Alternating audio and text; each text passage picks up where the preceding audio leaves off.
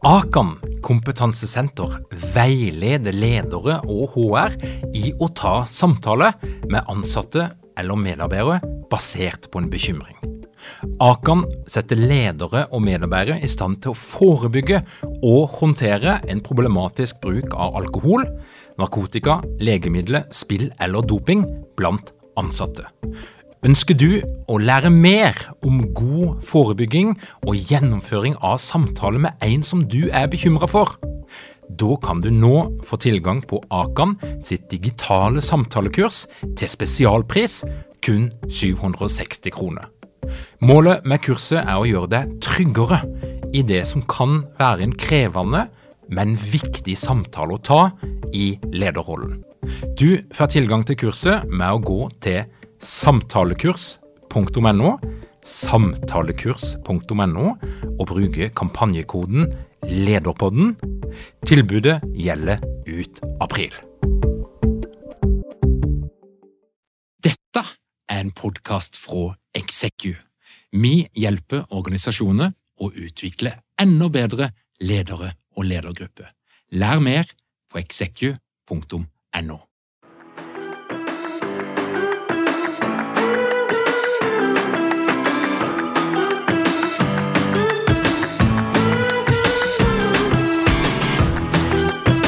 Velkommen til Lederpodden.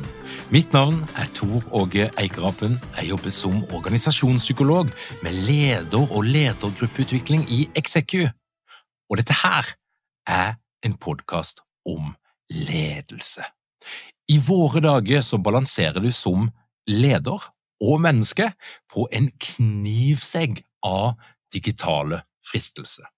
Du vet veldig godt at lederrollen krever mental og fysisk tilstedeværelse for de du leder, men allikevel, under overflaten av den profesjonelle fasaden, så kjenner du en konstant kamp mot teknologiens forførende hvisken i form av påminnelse, push-varsler, meldinger og digitalt mas som hagler mot deg til alle døgnets tider.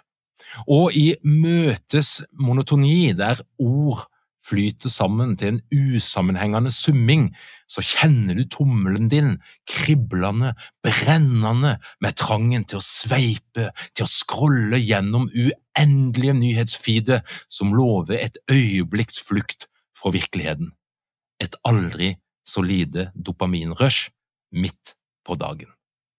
Dette er livet til den moderne lederen fanga i et evig spenn mellom det digitale og det fysiske, mellom øyeblikkets tilfredsstillelse og den kloke samvittigheten som prikker deg på skulderen og sier at du burde være mer til stede for de rundt deg og for deg sjøl. Kjære leder, det finnes hjelp. Men først skal du få et par ord fra Ellen Holt, tidligere deltaker på lederprogrammet, som i dag jobber som leder i Sveko. Ellen, var det verdt det? Ja, det er skikkelig kult, faktisk. For den følelsen sitter jeg Det er så eh, tydelig for meg at det her angrer jeg ikke én krone på. Så jeg kjørte jo full pakke. Ambisiøs og personlighetstest og alle moduler. Og jeg har hatt så god nytte av det. Jeg jobber jo med mennesker, masse mennesker. For jeg jobber også parallelt i mange prosjekter og dealer mye med mellommenneskelige ting og tang. Så jeg har fått veldig mye av lederprogrammet i form av konkrete verktøy. Og jeg satte også veldig pris på de breakout roomsene, hvor jeg fikk eh, på en måte kjørt meg litt da, i kleine situasjoner med andre. Hvor man også får For det første så får du brukt den kunnskapen du akkurat har fått tilegna deg, i praksis med andre, og så får du tilbakemelding med en gang. Litt sånn Kan kanskje ordlegge deg annerledes, eller eh, hvordan, hva tenker du om hvordan mottakeren tok dette? det har vært så gull, for du har fått trent deg. Jeg har også tatt fram liksom kleine situasjoner som jeg ikke har villet snakke om. Og så har jeg tatt det da i breakout rooms og i læringsgruppe. Så jeg har virkelig lært eh, mye om det.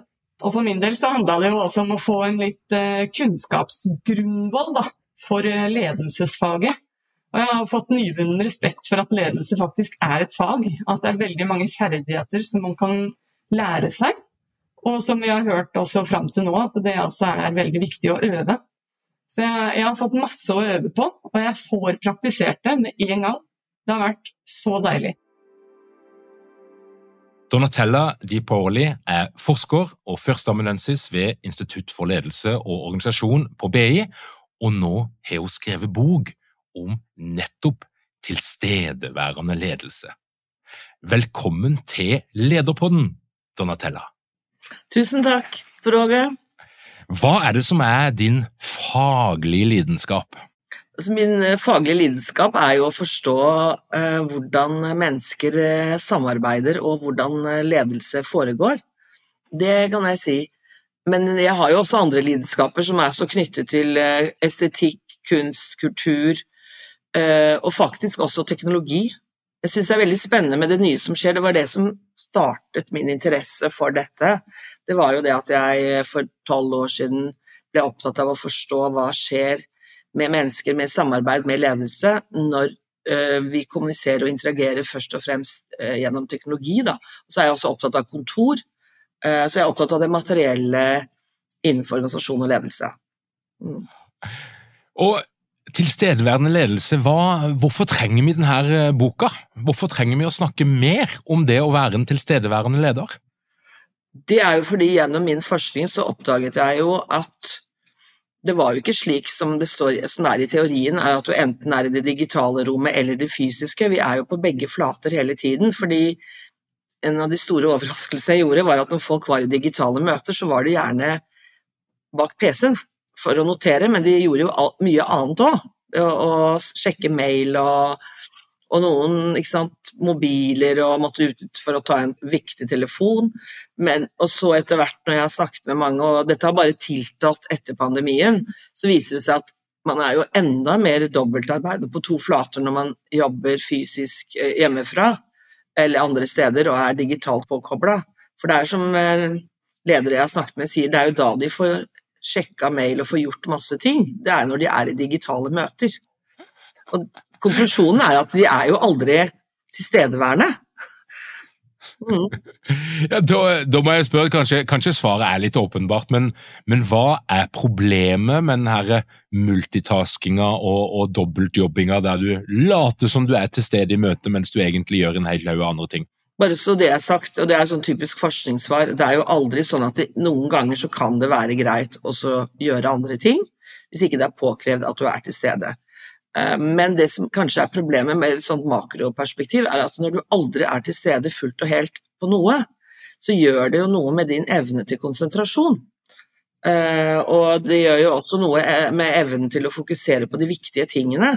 Så vi har jo blitt som hamstere i et sånt hjul som bare ikke sant, Vi er så opptatt av å respondere, som du sa så godt innledningsvis, respondere på de varslene og de tingene vi får, og mailen, ikke sant. Man er så fornøyd med seg selv når man går hjem og har vært gjennom mailboksen og sjekket alle informasjonsplattformer og er à jour, men det er jo liksom ikke det som er hensikten med å være på jobb. Å få til en god jobb, det er jo å gjøre det du skal. Og i dag så har vi jo store utfordringer som krever jo ikke bare sånn repetitiv saksbehandling, men det krever jo faktisk, fordi vi har så mye kriser og endring, at det krever faktisk at du setter deg ned og tenker litt og tar inn over deg hva som skjer, og ikke minst også tar inn over deg hvor menneskene er, da. Mm. Hvordan har mine medarbeidere det, hva trenger de, hvordan skal jeg få det med på laget? Mm. Og det får de ikke når du hele tiden er mentalt et annet sted. Eller du er på forskjellige steder, så du klarer ikke liksom Du, du nedsetter egentlig både konsentrasjonsevne, oppmerksomhetsevne, men også faktisk evne til å ta inn over deg hvor andre mennesker er, da. Og I boka di så, så har du jo gått, altså det, det, er, det en bok egentlig som omhandler mange temaer. Eh, sånn at Tilstedeværende ledelse det kan jo tolkes på mange vis, men du skriver om teknologi, du skriver om endring og du skriver om ulike ledelsestilnærminger som mm. kan møte nettopp endring. Men eh, boka di er jo prega av blitt til i ulike faser, og du nevnte nå pandemien, og, og det er den ene av fasene. jeg startet med boken for noen år siden, da. men da var jo det digitale var jo liksom et unntak. Det var jo for firmaer som var eh, spredt i verden, eller så var det faktisk en del offentlige eh, organisasjoner som hadde eh, lokalavdelinger. Det var jo et unntakstilfelle, så det var jo starten på det. Da var det, da var det annerledes. For da var det sånn at når du gikk inn i det digitale, så var det det digitale. Eller så var det fysisk, stort sett, for du var på primærkontoret, hovedkontoret. Men så kom jo pandemien, hvor alle var på hjemmekontor. Alle kommuniserte digitalt. Og da måtte jeg jo skrive om, og så tenkte vi jo at etter pandemien så er vi tilbake til der vi var før pandemien. Og det er jo veldig vanskelig å spå egentlig hvordan utviklingen skjer, men det vi ser da nå er jo at eh, vi er jo ikke tilbake. Vi har til og med fått nye former for interaksjon og kommunikasjon og samarbeid. Det er jo det hybride. Så vi har både hybridmøter hvor noen er påkoblet eh, digitalt, og hvor noen sitter fysisk samlet. Og så har vi det med hy såkalte hybridkontoret, hvor liksom folk er spredt. Så nå er det bare ganske uoversiktlig, la oss si det sånn. Det er jo det er en, uh, altså, Og det er jo en situasjon som vi må leve i. Uh, og jeg tror mange ledere spesielt ønsker seg jo tilbake til. Enten Enten var vi fysisk alle på kontoret, eller så var vi alle på hjemmekontoret og digitalt påkobla. Og nå er vi liksom alt.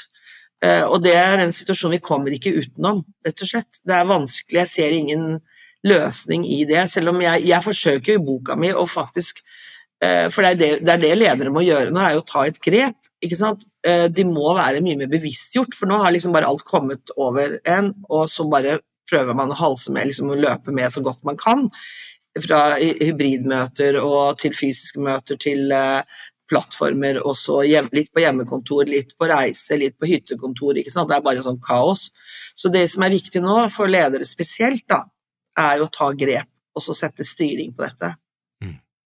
Betyr det at ledere, du tenker at ledere var mer tilstedeværende eh, før pandemien?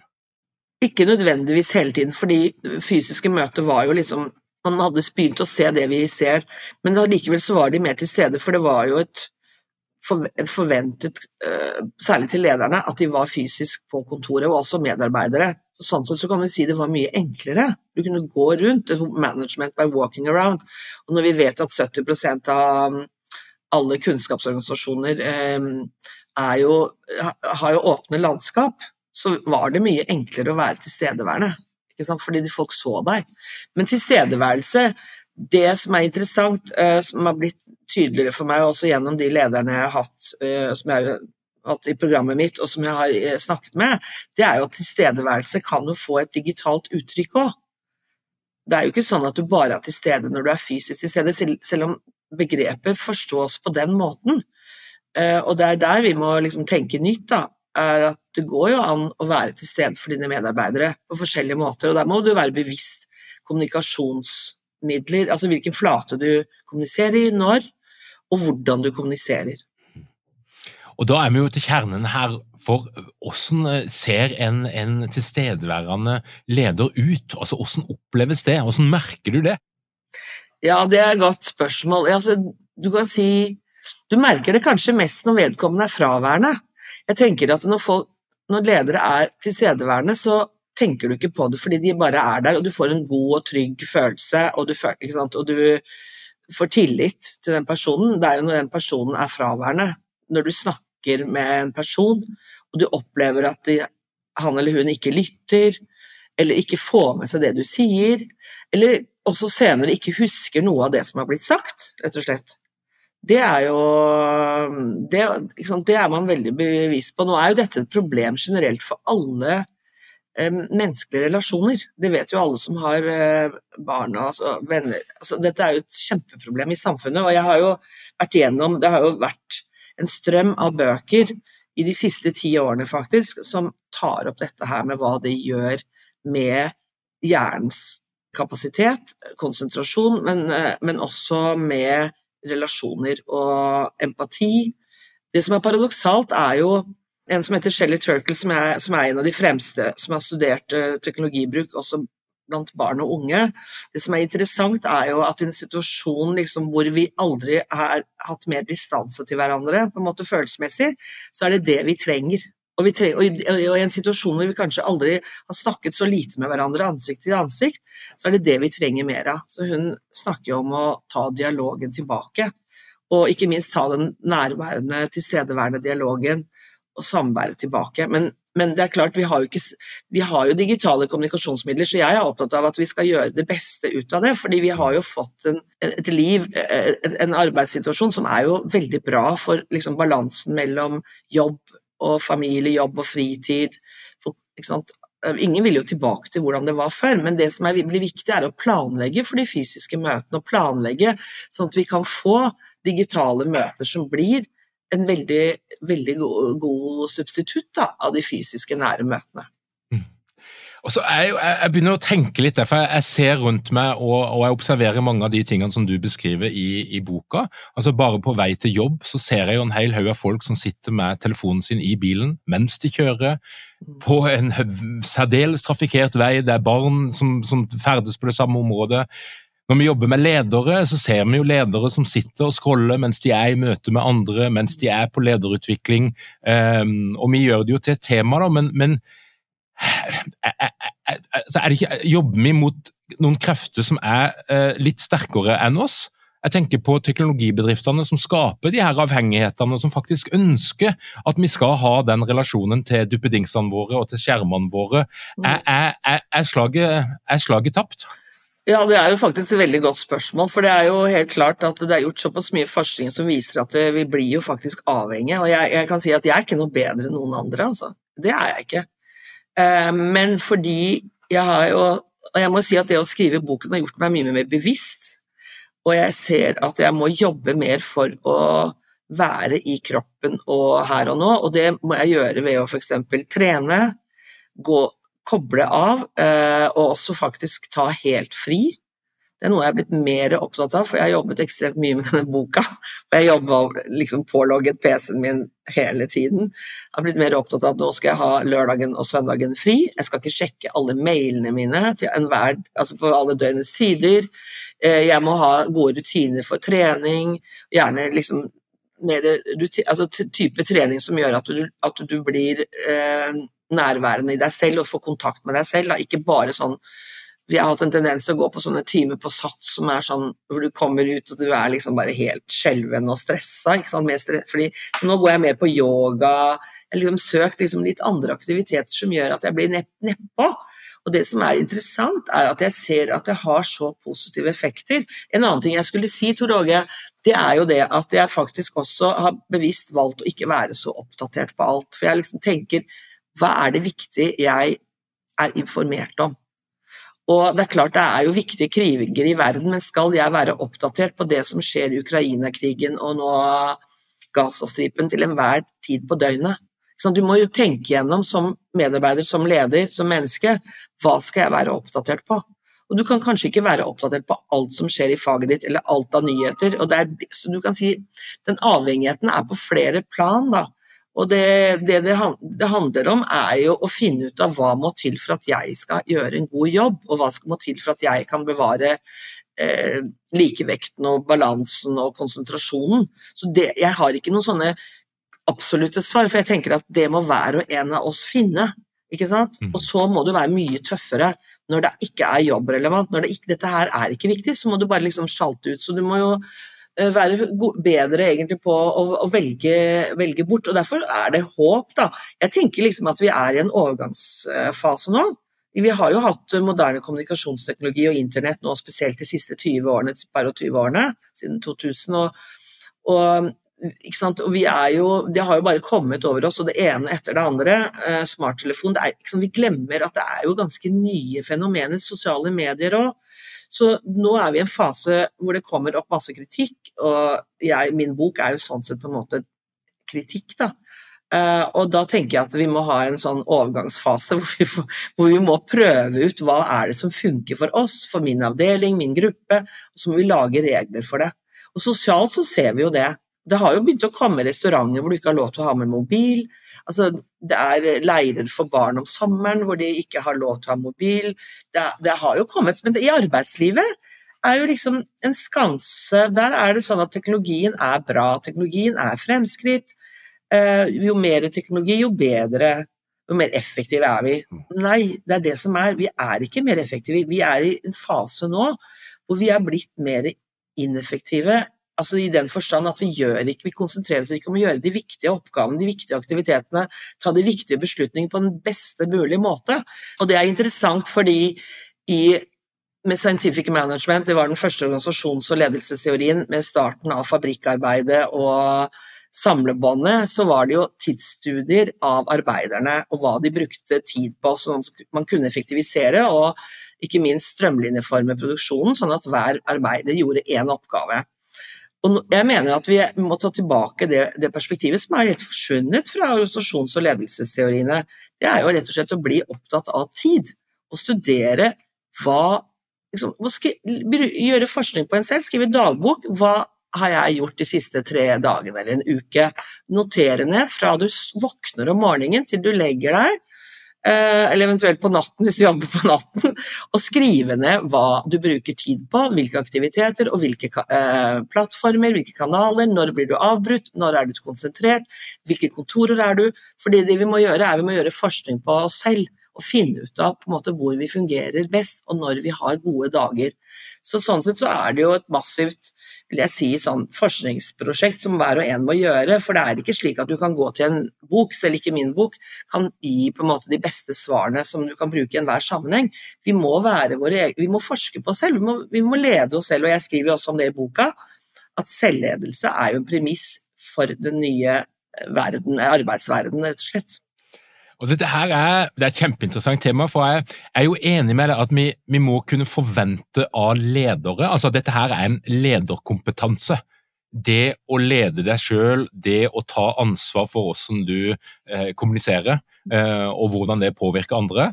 Og så er det òg en liten følelse av noe elitistisk i det, for jeg kjenner jo litt på at jeg, jeg, jeg har en dragning mot å tenke på det å ha et udisiplinert forhold til mobile enheter og skjermer. Det er litt som å røyke for 20 år siden. Mm. Altså Det er litt sånn at de som, ikke, de som sitter med, med, øynene limt i skjermen til hvilken som helst tid, og mens de er sammen med barna sine, og i det hele tatt Det er, det er et eller annet tegn på manglende selvledelse, eller at du er et offer for teknologien. Mm. Og jeg tenker at er det sånn at eh, det, det som du snakker om, altså som mottiltakene, det, det, krever jo noen ressurser, da? Det krever noen ressurser å, å velge den livsstilen? Det som er paradoksalt, at det krever faktisk tilstedeværelse. For hvis du er i det hamsterhjulet og bare løper og løper og løper, så har du ikke nødvendig overskuddet til å ta et grep. Det vet jo alle, ikke sant. Hvis du jobber jævlig mye og stresser, så klarer du ikke å slanke deg. Du må ha litt overskudd i dette her. Det er et overskuddsfenomen, egentlig. Og Derfor må du rett og slett eh, være veldig kritisk til hva du bruker tid på. Hvor mye tid. Mange møter kan være mye kortere enn det de er. Det, er, det har vi sett etter pandemien.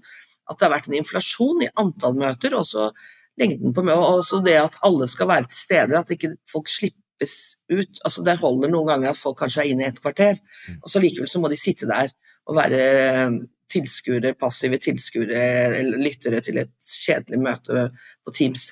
Så, men du må Jeg ser ingen annen vei enn å ta skikkelig grep, som vi gjorde med røyking, altså, eller, eller, andre ting. Rett og slett. Øh, og det, det som jeg ser i alle disse bøkene Nå er vi liksom en fase hvor det kommer stadig nye bøker som viser alle de negative effektene av det vi er i, og så føler du enda større avmakt når du ser det. Så det jeg prøver i boka mi, er å komme med praktiske råd. Sånn at dette er jo håndterlig. Og så er det jo sånn at uh, du går jo fram to skritt, så går du tilbake. Og, så du må jo tåle å gjøre feil og ikke være perfekt. Men jeg syns men jeg, altså det som er interessant, og det har jeg reflektert over, er at uh, siden jeg er økonom og har tatt doktorgrad på Norges handelshøyskole, det er at målet for egentlig all ledelse og administrasjon har jo vært å effektivisere. Og, og har vært å være liksom produktive. Og det er å gjøre ting Eh, raskt, godt, på kortest mulig tid. Og nå det perspektivet jeg eh, presenterer, er jo inspirert av østlig filosofi og religion, som buddhisme, taoisme og ikke sant? Og det er mer sånn en, en, en, tilstand hvor du skal da være i balanse, hvor det plutselig blir viktigere enn å bare være kjempeeffektiv og bare løpe og produsere og og bearbeider masse informasjon. Og, så det er jo et paradoks i forhold til det vi alle er opp, altså, utdannet og oppdratt til. På handelshøyskoler, på ingeniørskole eller hvilke som helst ledelsesutdanninger, så er man opptatt av det motsatte. Så vi må jo avlære, på en måte. Og det er jo og så er det jo det som er vanskelig, det er jo det at idet du liksom er i et møte, og så sier du til alle at nå må dere legge bort mobilen, eller legge Eller vi samler de sammen som i en kurv. Eller, eller det er ikke lov med PC-er. Altså jeg har opplevd det selv, at noen blir veldig aggressive. Jeg har opplevd også faktisk, eh, selv når jeg har rapportert i forskningsresultater og hva det gjør med mø fysiske møter, å ha PC-en oppslått, så har jeg likevel opplevd, faktisk på en handelshøyskole, at en har blitt så provosert og bare valgt å sitte med PC-en sin. Som om det er sånn revir, ikke sant. Kom ikke her og ta fra meg det. Så det er, eh, det er en kamp som, som slåss, altså. Det er, så det er, ikke, det er, ikke, gjort over natten, og det vet jo vi alle med ungdommer og barn. Jeg, altså jeg tror jo på informasjon, uh, vi, altså kunnskap, uh, forskning sant, som viser det motsatte. At vi opplyser hverandre hele tiden, og at vi blir enige om på en måte Noen steder må være digitalfrie, noen steder forbyr vi parallelljobbing. Mm. Ehm, men så kan det være lov andre steder. Mm. Men vi må snakke om det. Og så må vi også snakke veldig Jeg snakker, altså snakker veldig hjemmekontor og hyttekontor og det jeg kaller meningsfulle møtesteder, som er gjerne lagt langt utenfor på en måte sentrale strøk. Da. Det, det kan være internettkobling, for i Norge er det jo internettkobling overalt, men sånne stille steder. da. Og det som er at jeg, jeg er veldig opptatt av at eh, vi må noen ganger søke Har dere mange ledere uten trening eller utdannelse innen ledelse? Mangler dere en felles kultur og praksis for ledelse? Ønsker dere å være bedre rustet for fremtidig vekst og endring? Da kan et internt lederutviklingsprogram være en god investering. I Execu er vi eksperter på å designe og gjennomføre bedriftsinterne lederutviklingsprogram. Hvis du ønsker å lære mer om hvordan vi kan hjelpe dykken til å få enda bedre ledere, ta og klikk deg inn på execu.no.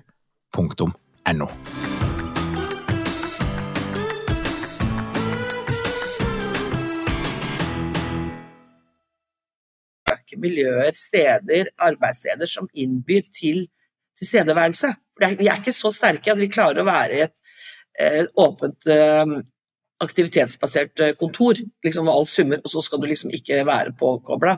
Nei, vi må bare søke det motsatte også gjennom stedene. Mm. Så det, det skriver jeg faktisk en god del om. og og det, det, som var veldig morsomt, var at det var jo forskningsdag på BNO, så det var en uh, professor uh, fra Stanford som hadde gjort studier For det ikke sant, kreves ny forskning her nå, men hadde gjort studier i mange tusen land, mange forskjellige land, vestlige land, og kommet fram til at Altså, det å ha hjemmekontor er effektivt for den enkelte, for de slipper reisevei. For organisasjonen sparer penger, du kan ha i større grad eh, aktivitetsbaserte åpne landskap. Og så er det faktisk veldig bra for miljøet, for de reduserer jo faktisk forurensning ved flytting. Og så reduserer du jo også kontorkostnader, som er jo faktisk faktor nummer to etter transport på forurensning. Vi må ha mindre bygningsmasse til kontorer som står tomme og skal holdes varme. Så, um, så jeg sier jo ja til uh, hjemmekontor, og også faktisk uh, noe jeg har erfaring med siden jeg var et virtuelt team. Da jeg holdt på å forske på dette, så var vi spredt over hele verden, men vi samlet Altså, vi så hverandre to ganger i året. Og da, fordi, det var fordi vi ikke hadde penger da, i forskningen, så inviterte vi hverandre inn på våre hytter jeg har jo da hytte i Italia, de hadde hytte i Finland, forskjellige steder. Vi var i Indonesia òg. Og det viste seg og vi, Siden vi er forskere, så forsker vi på oss selv. Da. Og det viste seg at det, de møtene vi hadde som, vi, som jeg kaller men, på meningsfulle eh, møtesteder, hvor vi senket skuldrene, de fikk være sammen, spise måltider, bare være i det miljøet, det gjorde at der kom vi opp med de beste ideene. Og der fikk vi også det nødvendige limet og samhørigheten som gjorde at vi faktisk produserte så mye. Og hun professor som hadde vært i så mye forskningsprosjekter, sa at det er det mest effektive og mest produktive forskningssamarbeidet jeg noen gang har vært i. Og vi tilskrev det faktisk det å møtes uh, på hytter. Og det er jo altså For meg er det en barriere, selv om jeg er italiensk. altså For mange er det en veldig barriere å invitere kollegaer hjem til seg. privat eller på hytta. Men det er der vi må gjøre nye ting, ta nye grep. Og det har jeg gjort i min Jeg er jo leder, da, mellomleder, eh, for en faggruppe forskere. Og jeg har samlet de hjemme hos meg. Så jeg lager mat, og det liker de jo selvfølgelig veldig godt, men det blir veldig sånn familiært. og det altså Det er en kollega av meg som kaller det faggruppens hule. Han vil ikke møtes noe annet sted enn hjemme hos meg. Jo, men jeg visste ikke at det skulle ha den effekten, altså, men det har en vanvittig effekt. Og så har vi, vi sparer jo så mye møter og kommunikasjon, fordi vi, vi blir kjent hverandre. Og det er jo det all forskning viser nå i forhold til dette med å være kommunisere og lede digitalt, er at du må bli bedre kjent med folk. For du må bygge tillit, uh, tilhørighet, ikke sant. Og det gjør du ikke ved å være på kontoret bare, eller bare ta en øl som varer to timer på fredagen. Du må gjøre noe mer. Og Derfor foreslår jeg faktisk i disse tider at man skal invitere folk eh, hjem til seg. Det som er kult, Dantella, det er at du skriver ikke så eksplisitt om det i boka, men det du egentlig gir, det er jo oppskriften på å lage en tilstedeværende kultur. For det, for det, er jo, Vi må jo ha en snakk om altså skal dette her være opp til enkeltindividet å finne ut av sjøl. Ja vel, jeg har min personlighet med høy planmessighet og uh, sånne ting jeg, jeg faller relativt lett for meg. For andre så er dette her problematisk. Og det er jo, det er jo en diskusjon. Da er det individet som har ansvaret for å skape denne tilstedeværelsen, eller kan vi tenke at det er noe som funker best å gjøre på et kulturelt nivå. Altså at, kjære leder, mm. du kan gjøre tiltak i din virksomhet for å skape en tilstedeværende kultur. Mm. Og veldig mange av de tingene du snakker om akkurat nå, det er jo ikke et individuelt Nei, perspektiv, det er, det er, jo et, er et kulturelt perspektiv. Mm. Det er veldig godt poeng. Nei, det er veldig godt poeng, faktisk. Jeg tror jo endring skjer begge veier alltid. Jeg tror det må være noen fyrtårn, jeg tror det må være noen ildsjeler som drar det i gang. Eh, og som får til resultater. Og så tenker jeg at du må også jobbe på institusjonelt nivå eller sånt ledernivå og ta et organisasjonsgrep på det. Mm. Bestemme noen ting. Så jeg tror det går begge veier. Men jeg tror, altså for å være helt ærlig, så opplever jeg at ved å sette ord på dette som jeg gjør det, jeg opplever at det er en veldig sånn bra respons. Jeg tror alle er enige om det grunnleggende problemet, for å si det sånn. For de føler det jo på kroppen, de er veldig stressa. Og det var jo som en artikkel i Harvard Business Review nå nylig, bare noen uker siden, skrev, at ledere aldri har vært mer stressa. Uh, fordi og de er også veldig sånn i konflikt, fordi på den ene siden så har de lyst til å ha medarbeidere på kontoret ikke sant? og ha kontroll, og så kan ikke det, og så er jo hjemmekontor blitt et gode som ingen vil gi slipp på, og ikke, organisasjoner kan ikke. Samtidig så opplever de at det er litt kaos, og de har uforutsigbarhet, og de har ikke helt oversikten. Så jeg tror også det er viktig å anerkjenne, både på organisasjonsnivå og ledernivå, er at dette er jo Vi lever i en sånn tid som er litt sånn krevende, rett og slett. Eh, hvor ting drar i mange retninger. Og så er det jo viktig å understreke at det er ikke alle som er like effektive på hjemmekontor. Og de, mange av de som tror de er så veldig effektive på hjemme, de er ikke så veldig effektive, viser det seg. Det er de tilbakemeldingene har fått. Så det er veldig sånn dilemma og ting. Men det som blir viktig da, er jo ledelse. Altså det å være klar, tydelig som leder og stille krav og være Og jeg skriver jo i boka mi at du må jo ha mål- og prestasjonsbasert ledelse nå, mer enn noen gang. Hvis ikke du vet hvor din organisasjon, din avdeling, din gruppe skal, og hva vi skal levere og prestere, ikke bare liksom ett år av gangen. Du må vite fra måned til måned. Så sånn sett så kan du si det følger med en mer sånn uh, målrettethet, egentlig. For det er kun når du har målene og prestasjonskravene klare, kvalitetsstandardene klare, at du kan gi slipp på kontrollen og la folk sitte hjemme og lede seg selv og ikke sant, gjøre det. Men du må jo, må jo få alle til å levere. Og du kan si ja, det er riktig det som du sier, at du kan bygge en Det var veldig godt poeng, jeg har ikke tenkt på det. At du kan faktisk bygge en kultur i organisasjonen hvor man gir hverandre den friheten, og hvor man dyrker tilstedeværelse, som alle elsker jo. Vi har jo aldri egentlig altså Det er nesten som om vi føler liksom, vi har sluppet ut av fengselet. vi vil jo ikke tilbake til fengselet som det var før, hvor du må liksom stå opp tidlig, rekke buss og trikk og gud vet, kjøre bil, stå i kø. Vi har jo sluppet ut av egentlig et uh, tyranni, da. Og nå sitter vi og koser oss som jeg gjør nå her hjemme, ikke sant. En koselige, åpne kjøkkenløsning og, og, ikke sant? og har det kjempekoselig og lukten av kaffe og kan liksom Og få gjort ting.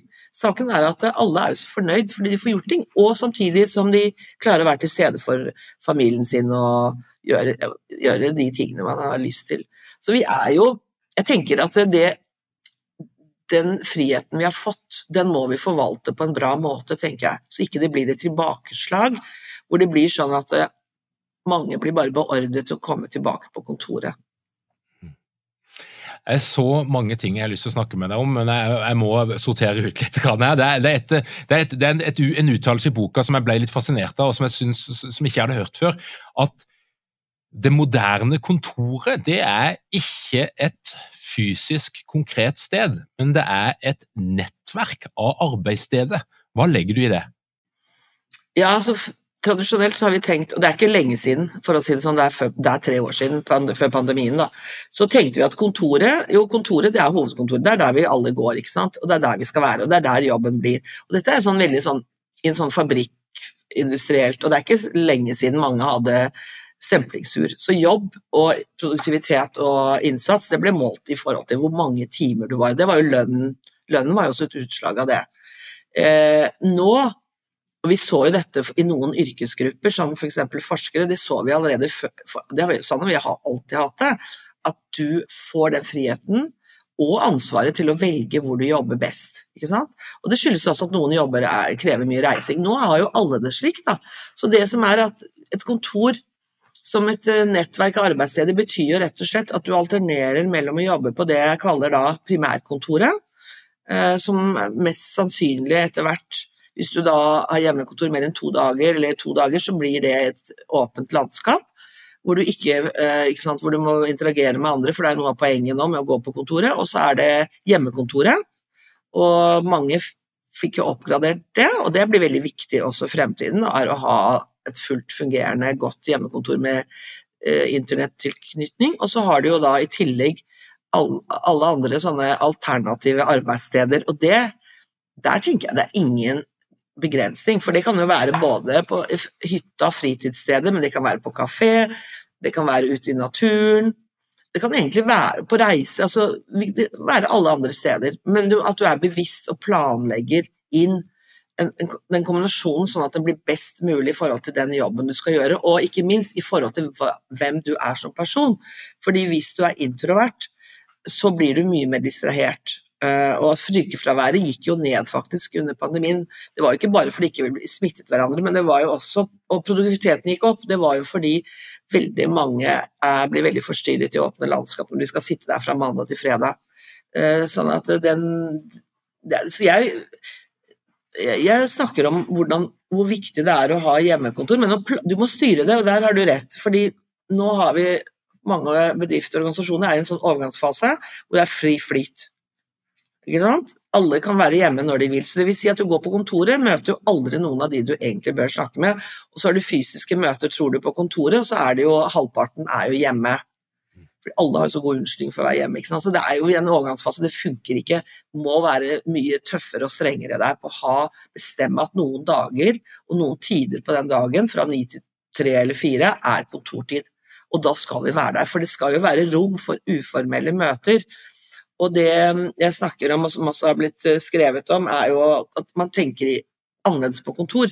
Fra at kontoret er det stedet hvor du produserer mest effektivt, så tenker du at kontoret er stedet hvor du dyrker kulturen, deler informasjon, kompetanse, får nye ideer, gjerne ved kaffemaskin, ikke sant. Så, og det må eh, prioriteres. Også kapitlet mitt om kontor oppsummeringen der er jo hvordan skal du få folk tilbake på kontoret? Hvordan skal du gjøre kontoret attraktivt til å være lenger enn det som er da kanskje de to dagene eller tre dagene i uken som er plikt, da. Mm. Sånn at du får lyst, alle får lyst til å være på kontoret, og alle får lyst til å bruke tid på å snakke med folk.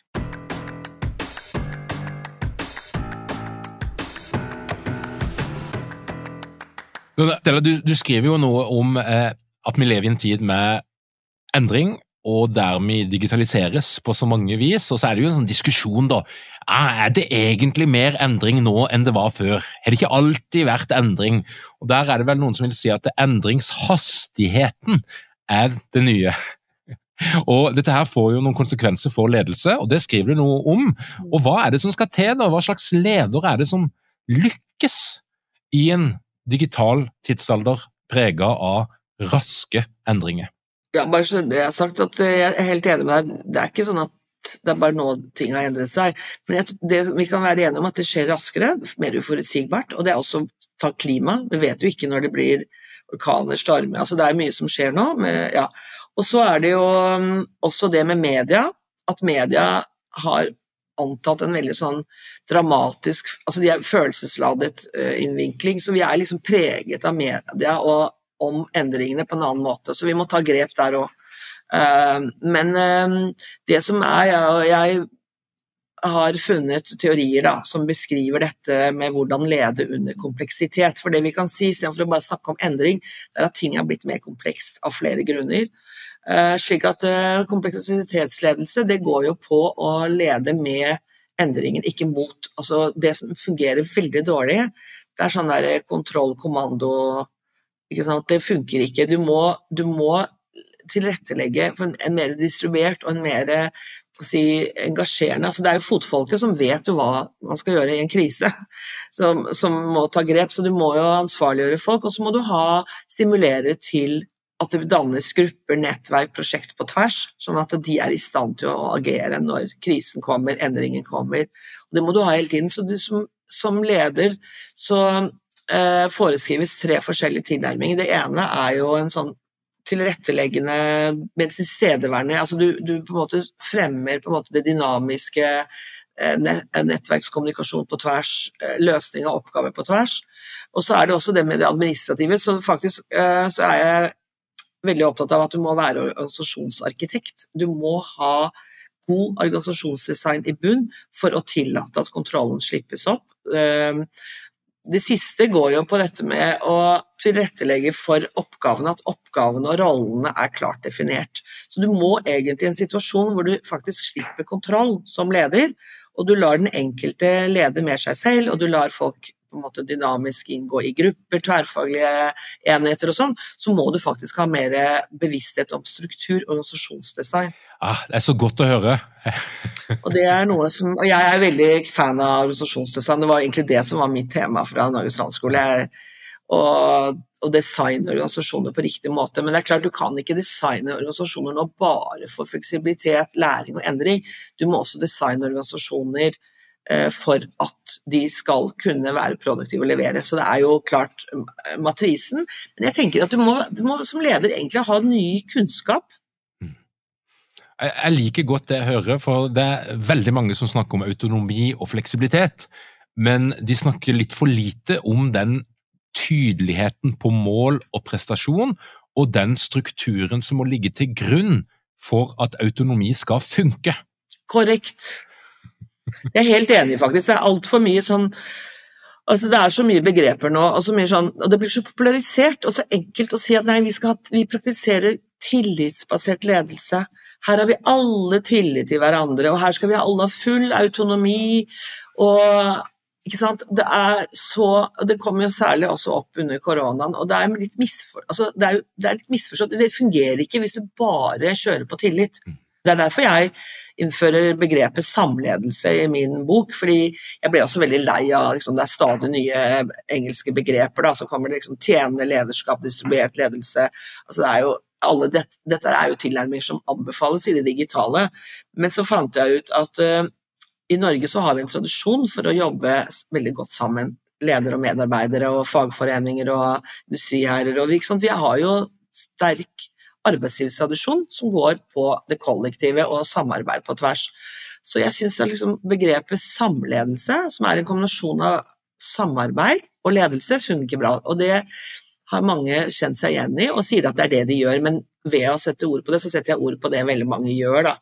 Og det er jo rett og slett at uh, ledere og medarbeidere på en måte setter også mål sammen og blir enige om hva som skal gjøres og hvordan, og at de samleder hverandre. De, og det er jo ikke sånn at bare lederen skal lede, men det er også medarbeiderne som skal være med på å gjøre lederen god og lede og gi nødvendig kompetanse og ting. Og jeg må si at jeg er jo en del av den retningen internasjonalt innenfor forskning på ledelse som heter postheroisk ledelse.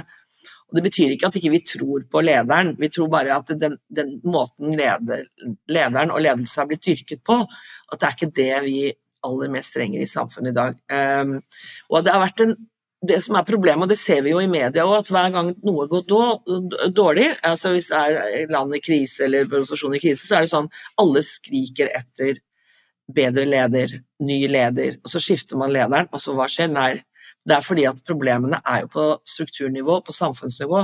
Så vi får ikke til å møte f.eks. den utfordringen vi har nå med å skape og utvikle mer med grønne bedrifter og, og annen type verdiskaping. Vi må tenke kreativt, vi må tenke nyskapende, vi må dra det lasset sammen. Lederne klarer ikke det alene. Og det som er at den der heroiske ledelsesforståelsen har jo passifisert mange medarbeidere. fordi når medarbeiderne ikke er fornøyd med lederen, så sier de bare, nei, så mis, liksom bare baksnakker lederen og slenger drit om lederen og bruker masse tid på det, istedenfor å si hvordan kan jeg bidra inn til å gjøre min leder god og gå i dialog. Og jeg sier ikke alltid at det er uh, mulig, det er jo noen ledere som er umulig å lede og som er dårlige, men det finnes også medarbeidere som er dårlige og som ikke gidder og orker ikke å ta inn noe som helst. Så det krever jo, det krever noe av alle, egentlig, eh, vil jeg si. Eh, og det er det, det, perspektivet der. Og jeg er jo da italiensk annengenerasjons innvandrer, men jeg ser jo Norge utenfra. Jeg syns at vi i Norge har en veldig altså, et konkurransefortrinn, rett og slett, når det gjelder måter å jobbe på og måter å lede på. Men vi må bare bli det mer bevisst, og uh, bruke den arven vi har, på en bevisst måte. Du, jeg sa til deg at jeg leste jo første gang ei bok av deg og ble kjent med din forskning når jeg var festivalleder. Det begynner å bli noen år siden nå. Men du, du har jobba mye med kulturfeltet. Mm. Og du skriver jo noe i boka om at kanskje har vi noe å lære av film og teater når det kommer til tilstedeværende ledelse. Hva mener du med det?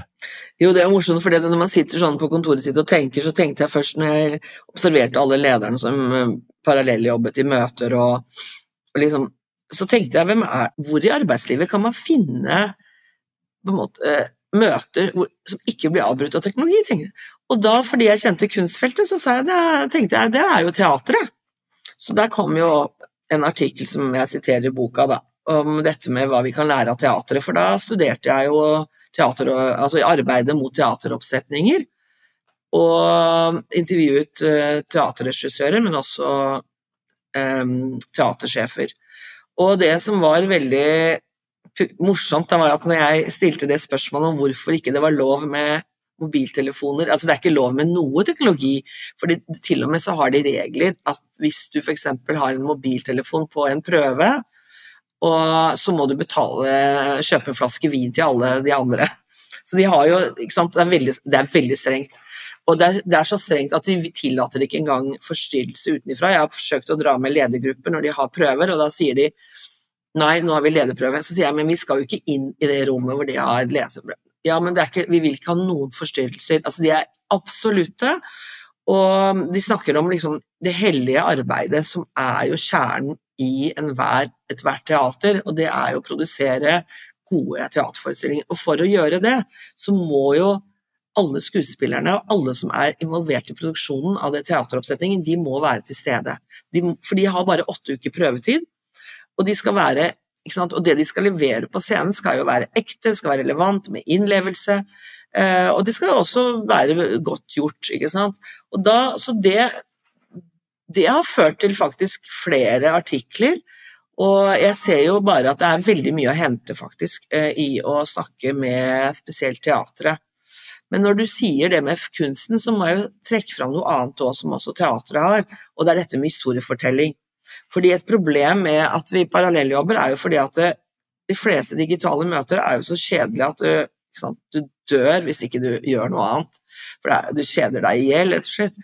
Uh, og det er jo fordi at den måten å kommunisere på som vi praktiserer, som er veldig sånn saksrettet og, og digitale møter blir jo mye mer saksrettete, effektive og korte, fordi, ja, så, sånn sett, men de kan bli dønn kjedelige. Og da snakker jeg om hvordan engasjere ved historiefortelling, som også er med inspirasjon av teater. Og der har jeg publisert en artikkel og bruker det også i mitt program. Men um, der har vi jobbet med en, um, en, som har vært produsent, og en som har vært filmmanusforfatter, med med utdannelse fra Los Angeles. Og så vi bruker jo egentlig liksom Bibelen innenfor historiefortelling fra Hollywood. Hvordan fortelle en god historie.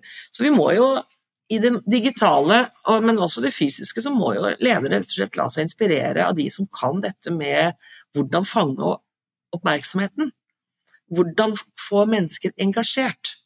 Og da holder det ikke bare å gå kanskje på BI eller NTNU, og sånn, men du må jo da gå andre steder, og det finnes jo masse kurs. Altså Du kan lære hvordan kommunisere kunstnere, ja, teaterfolk, det finnes mye. Men, eh, men også dette med historiefortelling, hvordan bygge opp en god historie.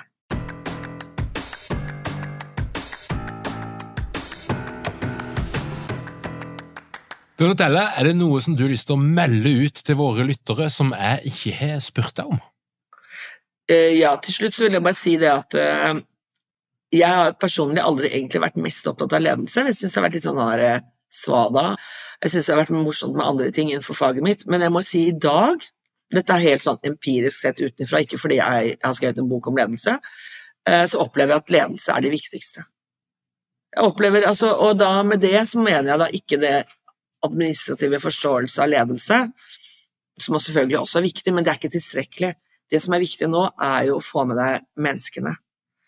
Og hvordan du eh, påvirker mennesker, hvordan du kommuniserer med mennesker, hvordan du får eh, tillit, og hvordan du klarer å stå i vanskelige situasjoner, i kriser, med menneskene. Det opplever jeg aller, aller viktigst. Og det krever jo i dag en form for ledelse som jeg skriver om, som er mye mer autentisk og troverdig. Da. Autentisk ledelse er jo et kjent begrep, men det går jo rett og slett på at ledere kjenner seg selv, at de er mer hele som personer. De er, altså det integrerte, modne mennesker snakker jeg om. Så vi må både fremelske, men vi må også søke etter lederemner, kanskje nye steder. Veldig bra. Er helt enig, og jeg anbefaler alle som er nysgjerrig på hvordan du kan bli en mer tilstedeværende leder, å sjekke ut denne boka. Den fins i handelen, både som papir og e-bok. Tusen takk Donatella, for at du tok deg tida til å komme til Lederpodden. Tusen takk. Det var veldig gøy å snakke med deg, Tor Åge.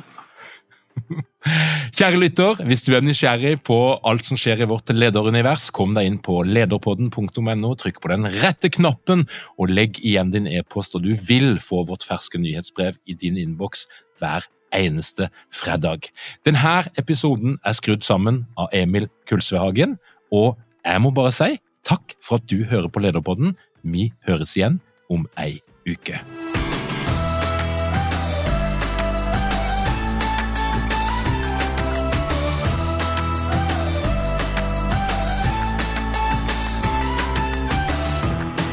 Lederpodden er gitt til deg av Execu.